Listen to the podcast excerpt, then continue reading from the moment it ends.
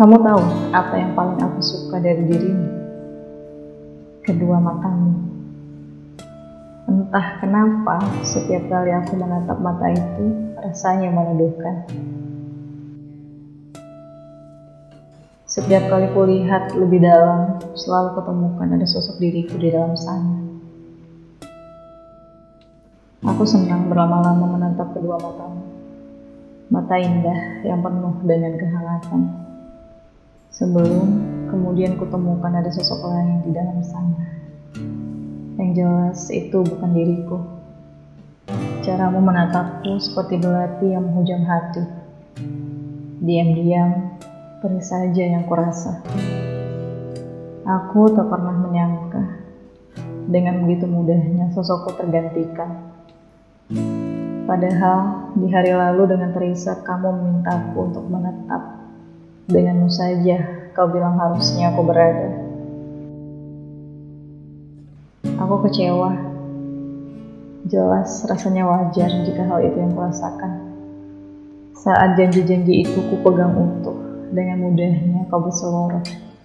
Seperti semua yang sudah terjadi hanyalah candaan sengaja hadir dalam hidupmu untuk kau tertawai dan aku hanyalah bagian pelengkap dari penghiburannya.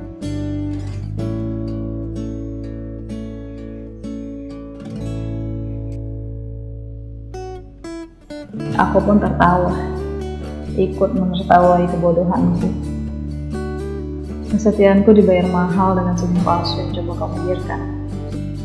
Aku kira mudah untuk menerima bahwa nyatanya kamu sudah tak ingin lagi menyamakan langkah. Aku kira tidak sulit atau tidak berpikir sempit.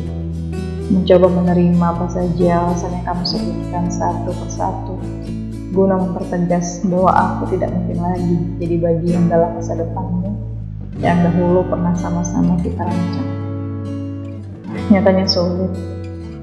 Aku menjadi overthinking. Tapi kamu tenang saja.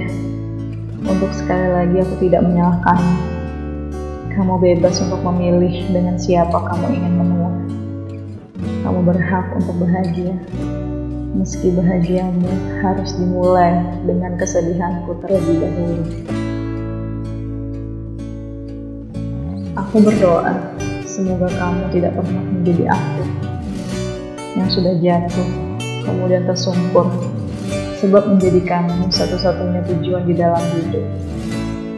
Dan lagi, ini bukan salahmu. Hanya aku saja yang sudah jatuh terlalu dalam kepadamu.